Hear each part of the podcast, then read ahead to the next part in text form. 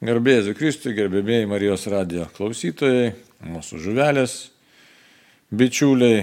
Taigi, pakalbėkim šiandieną vėl katekizmo temomis, kad didysis katalikų bažnyčios katekizmas, komentaras jam. Taigi, bet prieš pradėdami kalbėti, pirmiausia, visą garbę, pagarbą atiduodam Dievui, iš jo pagalbos, pagalbos prašome, taigi vardant Dievo Tėvo ir Sūnaus ir Šventosios dvasios. Amen. Vienas trybė Dieve, ateinam pas tave tokie, kokie esam ir labai prašau už save ir už visus, besiklausančius, už visus bičiulius, steik prieš prie malonę, tikrai. Vis labiau ir labiau tave pažinti, tave pamilti, atrasti save tavo artumoje, atrasti save tavyje, kad tikrai bendrystė su tavimi vis auktų ir auktų, atrastume ramybę širdyje, savo gyvenimo kelią atrastume Ir per katekizmo puslapius rastume tikrai tikrą tikėjimą ir teisingą gyvenimą. Ir tokiu būdu rastume keliam žinybę. Vienas trybė Dieve, tu gyveni ir viešpatauji per amžius. Amen. Taigi, toliau kalbam apie maldą ir tokia labai, labai, labai svarbi tema. Taigi, maldos gyvenimas, bet Koks tas maldos gyvenimas, tai yra maldos kova ir maldos kova kokia, tai yra prieštaros maldai, na ir ne tik prieštaros maldai, bet ir nuolankus širdies būdėjimas, toks poskris, nuolankus širdies būdėjimas.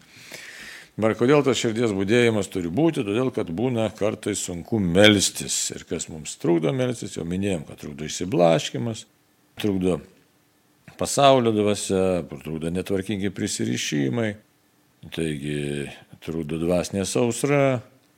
Na ir ne tik tai, kad, sakysim, būna sunkumai melstis, bet kyla ir pagundos.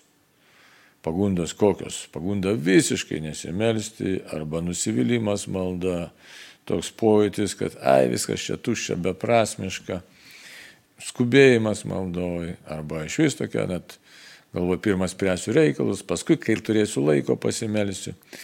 Ir tokios ir panašios įvairios pagundos, kurios ištumia maldą iš mūsų kasdienio gyvenimo. Iš tikrųjų, pasaulio rutina, galėtume sakyti taip, ištumia maldos rutiną. Nors rutina toks žodis kaip ir nelabai geras, bet jeigu pakeisti maldos rutiną, tą frazę galima kitaip pakeisti. Tai yra e, maldos iš tikrųjų tvarka, maldos kasdienybė, maldos tas testinumas kuris yra labai toks svarbus dalykas, kad visą laiką buvotume maldoje.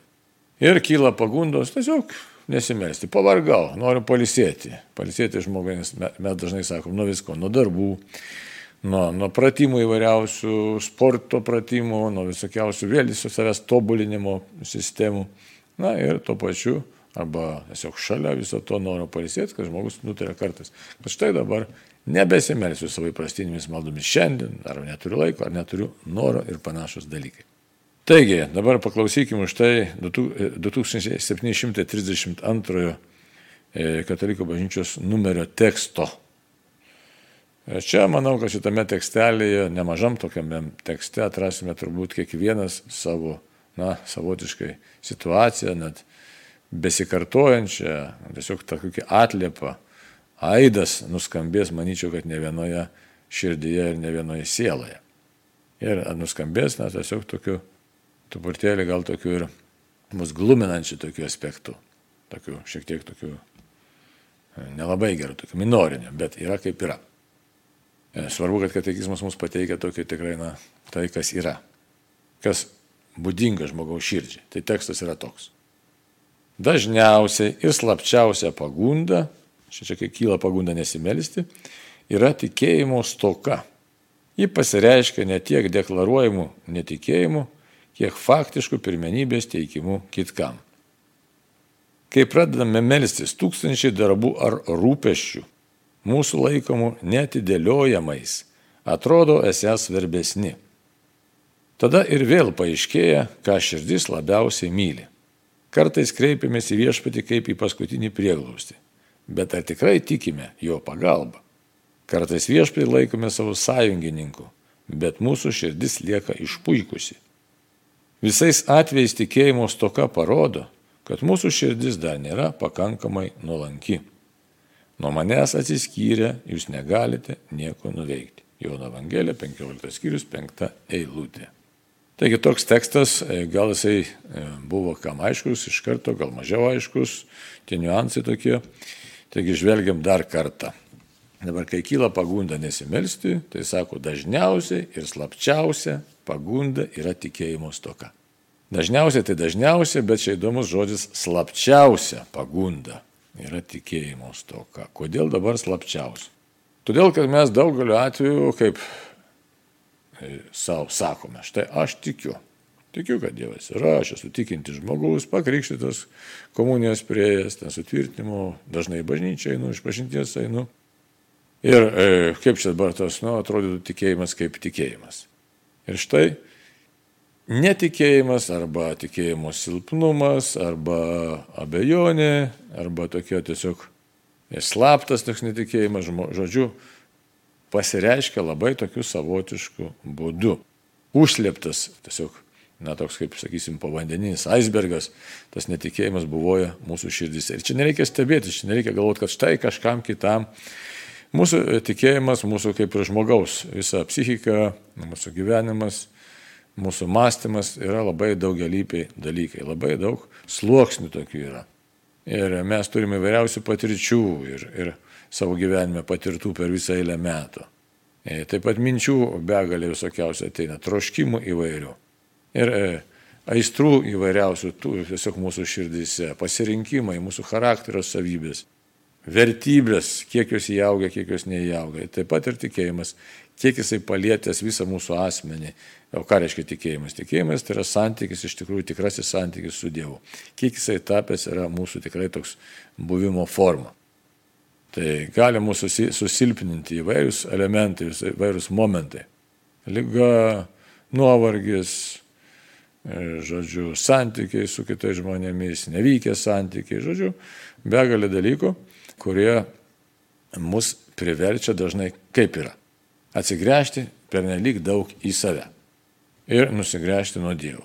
Ir e, tiesiog mes nepajuntame kaip ta vietrungė, kad papūtus kažkokiam tai vėjui, iš, ypač iš tos pusės, na, sakysim, apie asmenybę kalbant, kur mes esame silpnesni. Ir mes kaip vietrungė tada pasi, atsigrėžiam e, į save ir tokiu būdu tiesiog tikėjimas, na, mūsų susiaurėja, mes nusigrėžiam nuo Dievo. Tai todėl, kai kyla pagunda nesimelisti, tai turėtume pagalvoti, kad štai mano savimėlė, savigaila iš tikrųjų jau ima manyje dominuoti. Ir puikybė, iš tikrųjų, iš esmės tai puikybė, nes daugumą mūsų galvojam, kad, na, su ta mano puikybė viskas yra neblogai, aš jos praktiškai vos, nu, ten kažkiek reiškiasi, vos, vos turiu, neturiu, kaip jinai ir apnykusi ar išnykusi, o jeigu kai kurie nesigilina visiškai, tai sako, aš net nematau jokios savie puikybės, tiesiog gyvenu ir viskas. Tai katekizmas mums primena, kad yra tokių užslėptų, slėpiningų dalykų mūsų e, asmeny, asmenybėje, mūsų asmenyse, e, charakterio savybių, kurie e, neretai būna visai tos savybės paslėptos, užslėptos ir jos išriškėja tik tai esant tam tikroms gyvenimo situacijoms, aplinkybėms susikloščius. Tai. Taip, kad kai kyla ta pagunda nesimels, tai reikia žinot, kad iš tikrųjų tikėjimo stoka būtent pasireiškia. Dabar kodėl? Reiškia, mes pagalbos ieškom kažkur kitur, o ne santykėje su Dievu. Tai va. Todėl katekizmas vis primena, sako, ji pasireiškia, ta tikėjimo stoka. Ne tiek deklaruojamų netikėjimų, kiek faktiškų pirmenybės teikimų kitkam. Taip. Taip, kad tai nėra kažkoks toks netikėjimas, kurio mes galbūt net ir nenorėtume ir neiktume ir tiesiog išsigastume, kad taip gali būti, kad Na, aš netiki, netikintis. Kaip aš netikintis? Baisu būti netikinčiu, nes netikinčiu tai reiškia visiškai neikti santykių su Dievu, atmesti santykių, prarasti amžiną gyvenimą. Tiek mes suprantame, tie, kurie ypač dažniau ten meldžiasi, į bažnyčią eina, tiek žmogus supranta, kad būti netikinčiu tai yra tragedija. Tačiau, kai mažėja tas noras melstis, dinksta noras melstis, arba pasidaro sunku, arba nori žmogus, kaip sako, pailsėti nuo maldos, tai ką tai reiškia? Tai reiškia, kad žmogus iš tikrųjų jau savo tam dėmesio laukia turi nebe Dievą, bet kažką tai, kažką tai kitą, kažkokį kitą objektą. Kitaip tariant, prioritetai mes galime įvairiai vardinti. kas yra prioritetai ta, tokiu atveju. Iš tikrųjų, prioritetai jau nebe Dievui, bet kažkam kitam. Tai pirmenybė teikiama, lietuviškai išnekant. Kaip pavyzdys, kas galėtų būti, sakysim, kad ir bet kokio darbo ar, ar atveju, ar ten nebūtinai lyga, bet gali būti ir paprastos situacijos, gyvenimiškos situacijos, paprastas dalykas. Jeigu imsim mūsų protėvius kokius, ne, prieš kokį šimtą metų, tai buvo labai įprotis toks. Kiekvieną darbą pradėti maldą, kiekvieną darbą. Maisto, maitinimąsi taip pat pradėti maldą. Baigus maldą, e, e, darbą padėkoti Dievui, baigus valgyti padėkoti Dievui. Taip tariant, malda lydėjo persunkus buvo visą žmogaus būti. Ir taip turi būti, nes viskas pagrįsta šventuoju raštu. Dykumų tėvai apie tą kalbą, nes mes prisimename Paštlo Pauliaus žodžius, visuomet džiaugtis be paliovos, melskitės. Tai va, tai ką reiškia be paliovos, tai visą laiką matyti Dievo akivaizdą. Taip sakant, Dievas visą laiką yra mano dėmesio laukia.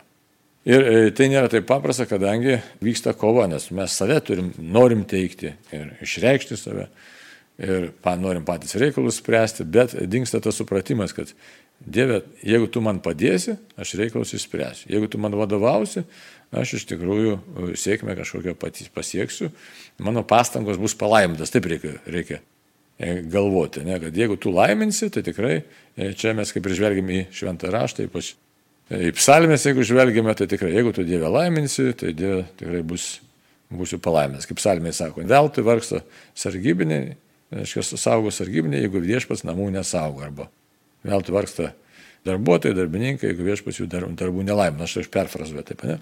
O sako, tam, kuris, kurį Dievas myli, net mėgančiam ir dvigubai dar duoda. Tai, va, tai, tai čia tas būtent santykio su Dievu yra įvardinimas, problema santykio su Dievu.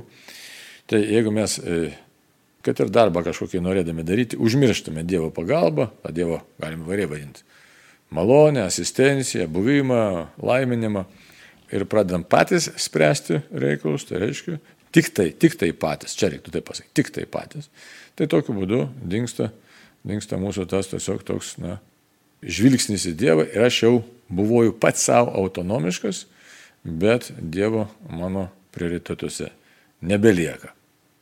Tai ir tada malda jau pasitraukia. Tai dabar, jeigu mes pažiūrėtume mūsų šiandien gyvenimą, aišku, tai dauguma žmonių šitaip gyvena, tai yra šitaip, kaip sakau, šitaip gyvena be pastovios maldos, laiminančios maldos kiekvieną mūsų darbą, kurį pradedame. Tai to įdirbio nėra, to įpročio nėra. Iš tikrųjų, buvoti su viešpačiu visame kame ir suprasti, kad Dieve, jeigu tu mano pastangų nelaiminsi, tai mano vargas visai nulieka ir vargas, bet nepalaimintas Dievu ir kažkokių tai rezultatų jūs ypatingų ir net neš.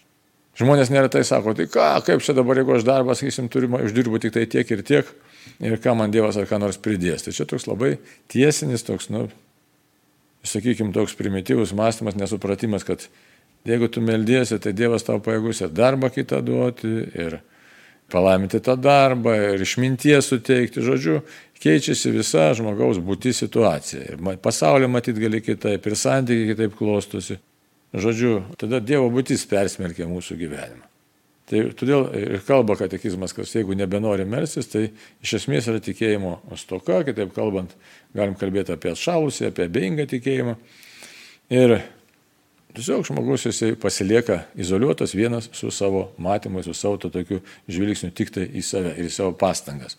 Kadangi mūsų pastangos ribotos, pažinimas ribotas, tai čia pat ir netoli gali būti ir nusivylimas. Toliau, kai pradedam melsis tūkstančių darbų rūpeščių mūsų laikomų netidėliojimas, atrodo esą svarbesni. Tai man, manau, kad turbūt 99,9 procentų žmonių šitą tokią būseną, šitą situaciją yra pažįstama. Pradedam melsis, atrodo jau nurimsi, tačiau prasideda galvoje šurmulynas, Ir atrodo jau kaip pranurimsti, bet staiga iškyla reikalas ten, reikalas ten, pasakyti ten, nuvažiuoti tenai, paskambinti tenai, sutvarkyti tą, trečią, ketvirtą ir taip toliau. Ir neretai tokios mintis į kyrios lenda, aišku, kad štai dabar apleidžiu laiką, darbai stovi, kaip aš čia dabar melžiuosi, nu, tiesiog net ir priekaištą gali kilti savo pačiam, kodėl aš čia dabar gaištų laiką, arba skubėjimas maldo išsiveda.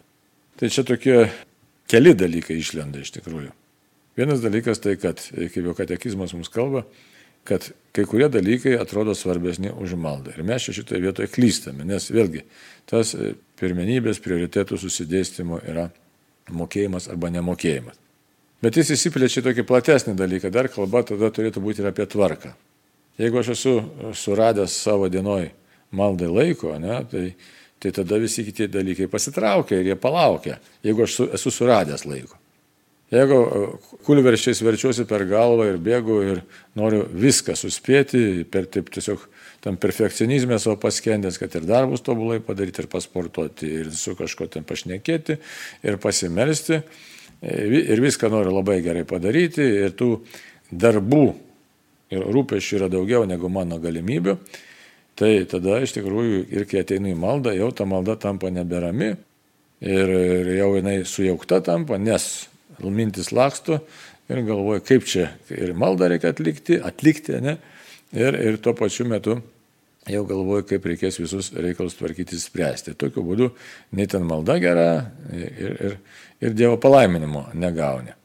Tai todėl dar šalia to, aiškiai, rūpeščių, to iš, iš, iš sureikšminimo, tiksliau kitų net dalykų tokio iškelimo, dar reikia pagalvoti ir apie asmeninio gyvenimo tvarką. Tai jeigu tvarka yra kažkokia tvarka, žmogus tai tvarkoje susistatęs savo tą dienotvarkę, savo skiria laiką, tai tada jis turi galimybę nurimti ir iš tikrųjų išplėšia tą laiką iš savo darbų ir nurimsta ir e, tada gali tiesiog nurimę su Dievu buvoti, prašyti palaiminimo.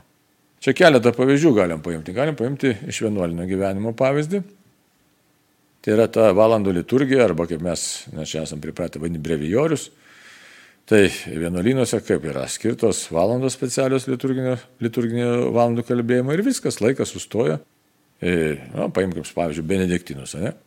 Laikas sustoja, meti visus darbus ir eini į koplyčią ir meldiesi. Tai vienas dalykas. Mes, aišku, prie to pasauliečiai, nu, ir kunigai pasauliečiai, ta prasme, ne vienuoliai nėra įpratę, kiek to laiko atlieka, kartais skubom, neskubom to, tas valandų liturgija, liturgijos tas maldas sukalbam. Bet ar tame yra ta gelmi maldos? Žinoma, kad nėra. Dabar nekrikščioniškas pavyzdys, tai yra musulmonų pasaulis. Musulmonų pasaulis, lygiai kaip ir katalikų pasaulis, iš tikrųjų tai yra e, septynių, iš tikrųjų penkių ten, penkių e, maldų, nors pagal Seną testamentą galėtume kalbėti apie septynis momentus maldos, aišku, tai Bet jie paprastai tą savo kilimėlį išsitraukia ir nekreipia dėmesio ir kur jie būna, ten meldžiasi. Aišku, ne visi, ne visas musulmoniškas pasaulis, bet tie, kurie valesni iš tikrųjų. Labai dažnai mes galim pamatyti ir gatvėse, ir net vakarų Europos gatvėse, ar ten kažkokiuose ofisuose ir panašiai kiti pasišaipo žmonės, ne, ten iš jų, ką čia dabar matai, musulmonai čia meldžiasi. Tačiau tai yra gražus pavyzdys iš esmės, kodėl tai kalba apie santykių su Dievu, kad man santykių su Dievu, jų čia tokia yra kalba, ne, ta prasme laikysena tokia, laikysenos kalba. Man santykių su Dievu yra pirmoje vietoje, aš žinau, kad aš šito turiu garbinti ten penkis kartus per dieną ir ne, ne viskas, ir tai yra šventas reikalas. Tai va. Taigi Dievas pirmoje vietoje prioritetas. Tai va, tai o Mums atrodo, kad tūkstančiai darbų ir rūpešių, reiškia, nustumė Dievą į kažkelintą vietą. Ir tada tokiu būdu, reiškia, Dievas, kuris yra pavydus Dievas, jeigu pagal Seną testamentą, pagal šventą raštą žiūrėt, bet tas pavydumas gerąją prasme, jisai nori tikros meilės, nemeluotos meilės, visiško meilės ryšio. Taigi pavydus tas Dievas yra nustubiamas ir, e, žodžiu, meilės santykis griuvo. Jis net, nu, net nepanašu ten į meilės santykį niekas tėva. Tai va taip, kad mes, jeigu galvojam, kad yra tūkstančiai netidėliotinų rūpešių ir darbų, tai mes tokiam gyvenam iškreiptam pasaulyje, melo pasaulyje. Ir tai rodo, kad nesugebam susistatyti prioritetų, kas man yra svarbiausia, kitaip tariant, Dievą nustubėm, o tai yra netikėjimo aktas, iš tikrųjų netikiu Dievą, kad tu esi pirmoje vietoje, netikiu Dievą, e, kad tu esi man svarbiausias, netikiu Dievą, kad tu man gali padėti, atbėgu pas tave tarp kitko, kai man blogai, bet šiaip tai iš tikrųjų, tai nesitų man pirmoje vietoje. Tokia yra mūsų laikysena ir tos laikysenos tokia, nu, kaip sakytume, ta laikysena kaip tokia, nu, kalba kalba, tiesiog, nu, nebili kalba, pati laikysena kalba už mūsų vidų, už save.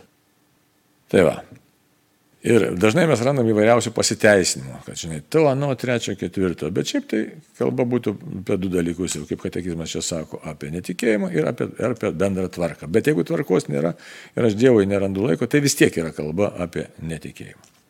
Tai čia mums reikėtų labai nuolankiai prisipažinti, kad iš, iš tikrųjų gyvenam didžioji dalis tokio, nu, drūgno tikėjimo gyvenimą, drūgno tikėjimo. Ir, ir, čia ne, nepasiteisinimas būtų tai, kad visi taip daro, ar, ar visi taip dabar neįprasta, dabar kitokia visuomenė. Čia visiškai joks pasiteisinimas, nes e, jeigu visi darytų nusikaltimus, pavyzdžiui, ne, tai ir teisėjai sodintų į kalėjimą, taigi nepasakysi, kad štai visi dabar taip daro ir, ir aš vis taip dariau kaip visi, nu tai ką tada aiškiau. O atsakai, kiekvienas atsako pats už save, jo labiau santykiai už Dievą. Taigi išganimas yra asmeninis dalykas, mūsų apsisprendimo dalykas, tai kad čia reikia to tikrai tikėjimo pagilinimo, to tikėjimo tvirtumo ir kito varianto nėra. O mums, e, kadangi taip drungnai gyvenam, labai sveika yra prisipažinti, taip Dievo, mano tikėjimas yra prastas, silpnas tikėjimas, silpnas tikėjimas. Pradėti. Pradėti prisipažinti. Ir tai yra labai sveika ir labai gera, nes tada supranti, nu, kokiam stovė esu ir, ir yra ką su savimi veikti, ta prasme, to tobulėjimo prasme, atsivertimo prasme yra ką veikti. Toliau. Tada ir vėl paaiškėja, ką širdis labiausiai myli. O. Čia vėl labai skausmingas dalykas. Labai, toj pasakysiu kodėl. Žiūrėkit. Kaip pavyzdys.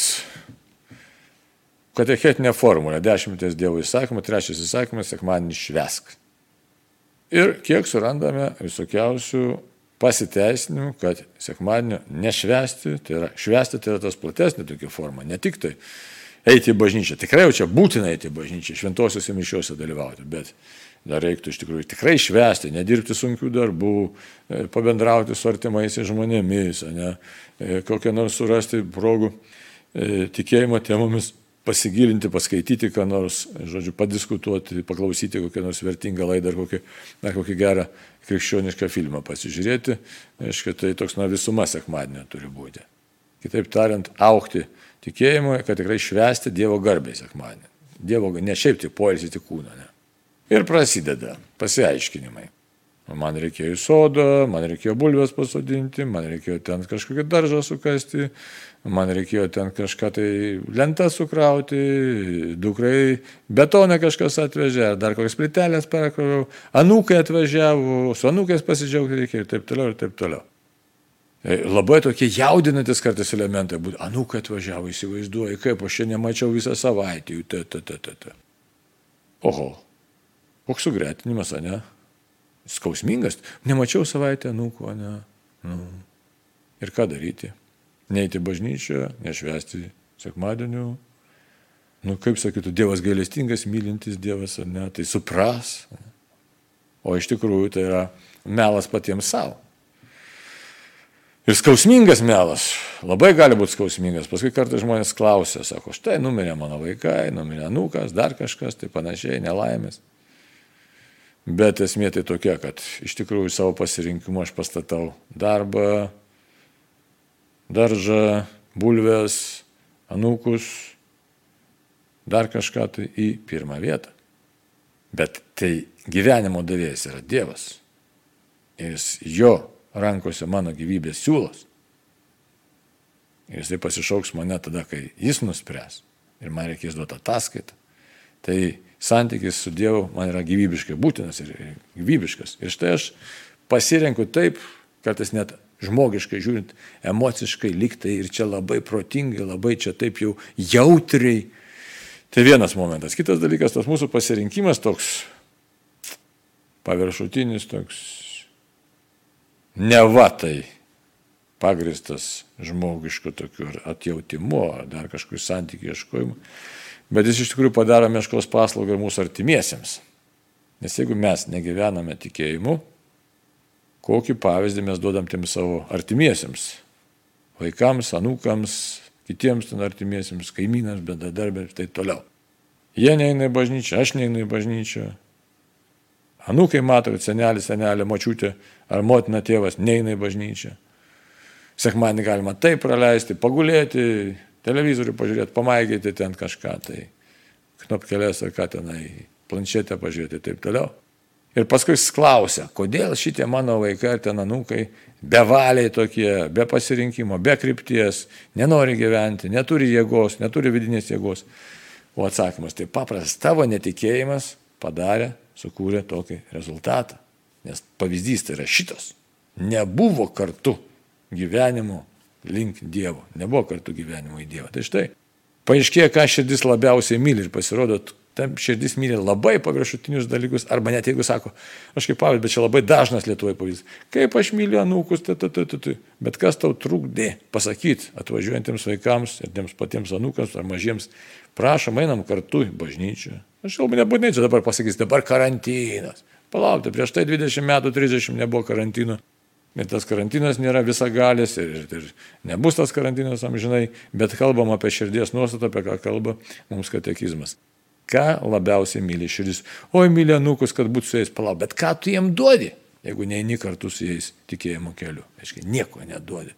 Duodi, nu, kažkiek tos žmogiškos šilumos, bet tai dar ne viskas. Tai va, tai. Ir už tai čia labai rimti yra dalykai.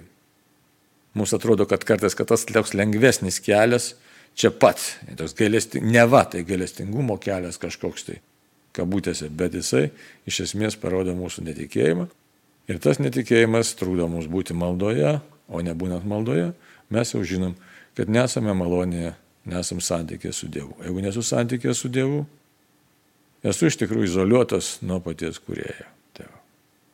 Taip, toliau. Kartais kreipiamės į viešpatį kaip į paskutinį prieglobstį. Taip, kai kokia lyga atsitinka, dar kas nors. Bet ar tikrai tikime jo pagalbą? Čia toks labai retorinis klausimas, sunkus klausimas. Ir mes galim pamatyti, kad tikrai daugeliu atveju ne, ne, nepasitikim pilnai jo pagalba, tiesiog tar, tarp kitko kreipiamės į Dievą, tarp kitko. Ir dabar, kad išgyvendinti tą tokį tarp kitko kreipimas iš savo širdies, tai yra praktiškai staigiai neįmanoma.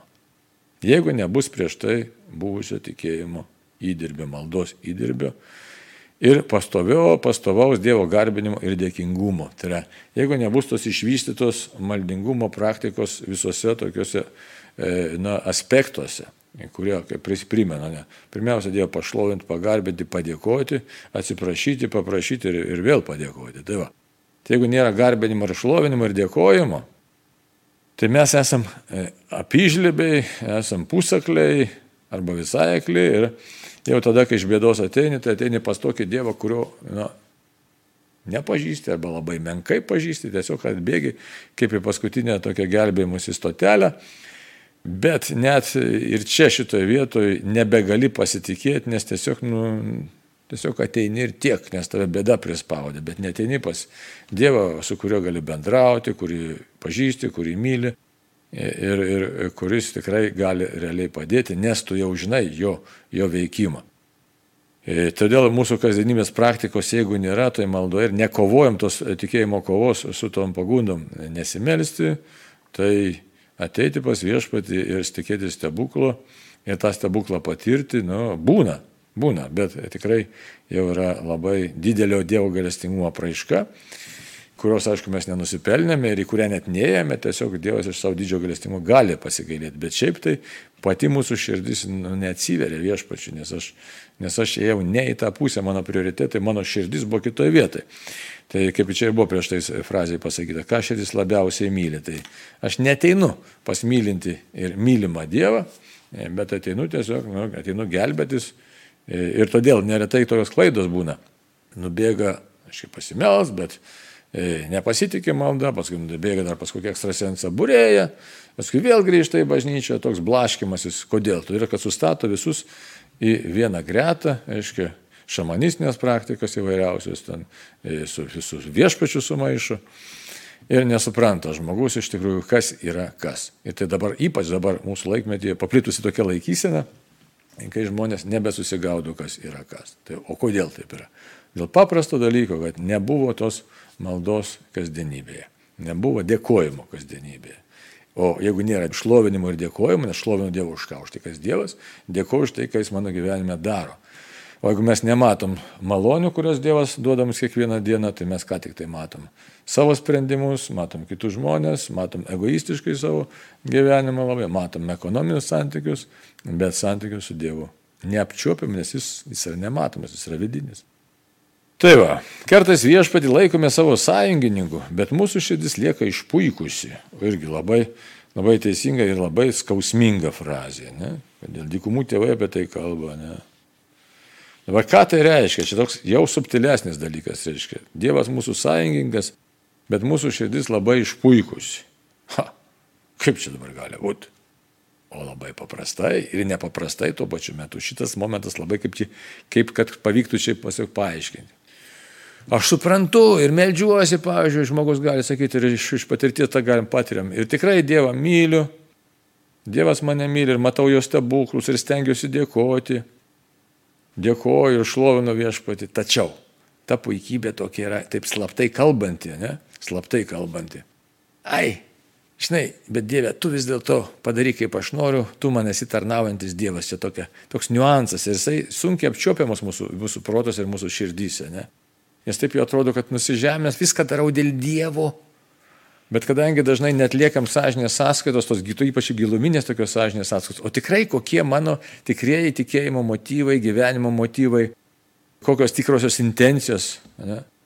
Ir tada nepamatom to, to tokio subtilumo, kad aš iš tikrųjų vis tiek esu išdidus, išpuikęs ir noriu, kad Dievas man tarnautų ir kad viskas vyktų tik tai pagal mano valią. Čia šita žaizda, šita lyga labai paplitusi praktiškai visų žmonių širdyse, bet jin ir labai sunkiai apčiopia manęs. Taip atrodo, mūsų intencijos geros, ne dabar ir čia laidas darom, ir ten Marijos radės veikia, arba, sakysim, žuvelė čia veikia, aš konkrečiai galim šnekėti apie save. Ir galvoju, kad viskas čia taip dėl Dievo. Bet iš tikrųjų, jeigu pasieknystume, visą laiką lieka tas žmogiškas elementas. Jonas Laiptininkas apie tai rašė, jeigu kada skaitysit, Jonas Laiptininkas, ar kaip ten jį vadinasi. Dar kitas tas graikiškas žodis yra, tai, va, tai Jonas Lapnikas ką kalba, sako, ta puikybė labai savotiškai veikia, kaip koks, nu, trišakis, toks būda trišakį daro, kad ten ypač Egipte iš metalo darydavo tokius trišakius, kam jos darydavo, tai jeigu vykdavo kovos, tai arkliam po kanopom numesti, drambliam, kad jie užmintų, reiškia, ir negalėtų kovų, kovos tos vykti. Tai sako, kaip tu bemesi tą trišakį, nedidelis ten toks, ne, koks, bet vis laik vienas spiglys visą laiką į viršų. Kaip nori, taip mes. Visą laiką spiglys vienas į viršų. Tai šitas pats ir su puikybė. Tai čia yra toks kur kas slaptesnis dalykas, sunkiai, kaip jau minėjau, apčiuopiamas. Ir mes taip dievam laikom savo sąjungininkų, bet galiu savo leisti ir nesimelisti, nes žinau, kad Dievas geras, žinau, kad Dievas išklauso, žodžiu, to tikro nusižeminimo mano širdį nėra. Ir tokia širdis lieka išpuikusi. Vis tiek dėja kažkaip čia man pagelbėsiu. Žodžiu, centras pasaulio esu aš, o ne Dievas. Tai va. ir tokia slapta tokia žaizda, nu, įda tokia slapta, labai gali apsunkinti mūsų tą maldos gyvenimą. Ir tada tą sukelt pagundą nesimels. O kam čia melstis, jeigu Dievas vis tiek mane myli viešas, labai, labai geras yra. Tai va, ir tas išpuikimas, toks slaptas išpuikimas, tai, nu, jis gali neretai būti tiesiog piktosios dvasios panaudotas prieš mus pačius mūsų gyvenimo kelionė ir pakišti gali mus labai stipriai koją. Tai va. Toliau. Visais atvejais tikėjimo stoka parodo, kad mūsų širdis dar nėra pakankamai nuolanki. Ta. Čia yra šimtaprocentinė teisybė. Dabar, kad pakankamai nuolanki, tai čia, čia negalime net turėti tokių iliuzijų, kad bus kažkada pakankamai nuolanki. Aiškiai, tai va tas nenuolankumas, kaip jau ir minėjau, tas slapta puikybė, išdidumas, Dievo e, nustumimas iš pirmos vietos, čia kaip už tai Jėzus ir vardina Evangeliją pagal Joną, nuo manęs atsiskyrius nieko negalite nuveikti. Ką mes galim nuveikti be Dievo? Nieko negalim nuveikti, bet mes to nesuprantame. Čia problema yra. Tai, tai, tai ta pakankamai nuolanki širdis, kai imi suprasti, kad absoliučiai viskas yra malonė. Viskas yra malonė. Lietus, saulė, liepos, tujos, tulpės, rožės, skrūsdėlės, gyvenimas, žodžiu, kai kurie sunkiai vardinami dalykai, nes visame Dievo valia yra, kaip Jobo knyga prisiminama, ne? Tai ir, ir suspaudimai, lygos, viskas Dievo malonė, nes Dievas tai leidžia mūsų sielos išganimui. Tai kai kurios dalykus labai labai sunku priimti ir pripažinti. Ir, ir štai be tikro nuolankumo mes jų nepriimsime. Štai ir sunku priimti, kad neturim tikro nuolankumo.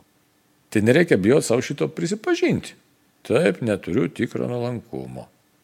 Neturiu ir man todėl sunku melstis, sunku todėl Dievu pasitikėti. Bet savo turim kitą dalyką pasakyti. Labai tokį blaivų ir aišku. Esu gyvenimo kelionė, esu tikėjimo kelionė ir norėčiau, ir noriu turėti tikrą nuolankumą, noriu tapti pamaldesnis. Tai kai prisipažįstam, pamatom savo trūkumus, savo tos na, neteisingus pasirinkimus, prioritetus, tai turim ką su savim veikti. Tada žinai, e, kur kažką netaip darai, kur klysti, kur pasirinkai neteisingai ir tokiu būdu galime jau pradėti užimti teisingą poziciją. Čia visiškai nesvarbu, kiek mūsų metų, ar, ar 15, ar 75, ar 85. Visiškai nesvarbu, bet galime pradėti tikėjimo kelionę čia ir dabar. Ir tokiu būdu Dievas jau mato mūsų atvirą širdį ir ta mūsų širdis yra pasirengusi jau iš tikrųjų kitokiai laikysenai. Tai taip, kad kartais mes tokie perfekcionistiškai labai norim, kad čia ir dabar aš jau nuolankus, nes iš tikrųjų bijom tikrojo savęs, tikrojo tokio netobulo, silpno, netobulo, bijom savęs. Ir įsivaizduom, kad jeigu aš kažką teiksiu apie save, e, kas aš nesu, tai bus viskas gerai. Tai čia nėra gerai. Taip kad nebijoti reikia mums to tokio mūsų netobulumo ir supras, kad iš tikrųjų tikėjimo mums stinga, bet esam kelyje ir katekizmas už tai mums primena, kad tai kartais arba net dažnai pristinga mūsų tikro tikėjimo. Bet Dieve, su tavimi, iš tikrųjų, jeigu grėšimės nuoširdžiai tave, tai tikrai suteiksi tai, ko mums reikia. Taigi tiek šiandieną. Neišsigaskim kylančios pagundos nesimelisti, pažvelkim į savo vidų ir jeigu nuoširdžiai tą darysim, Dievas tikrai mums suteiks reikalingų malonių, kad pradėtume tikrą tikėjimo gyvenimą. Taigi ačiū uždėmesi ir iki sekančių susitikimų, jeigu Dievas leis ir norės. Mėly Marijos radio klausytojai, laidoje kalbėjo kunigas Arnoldas Valkauskas. Likime kartu.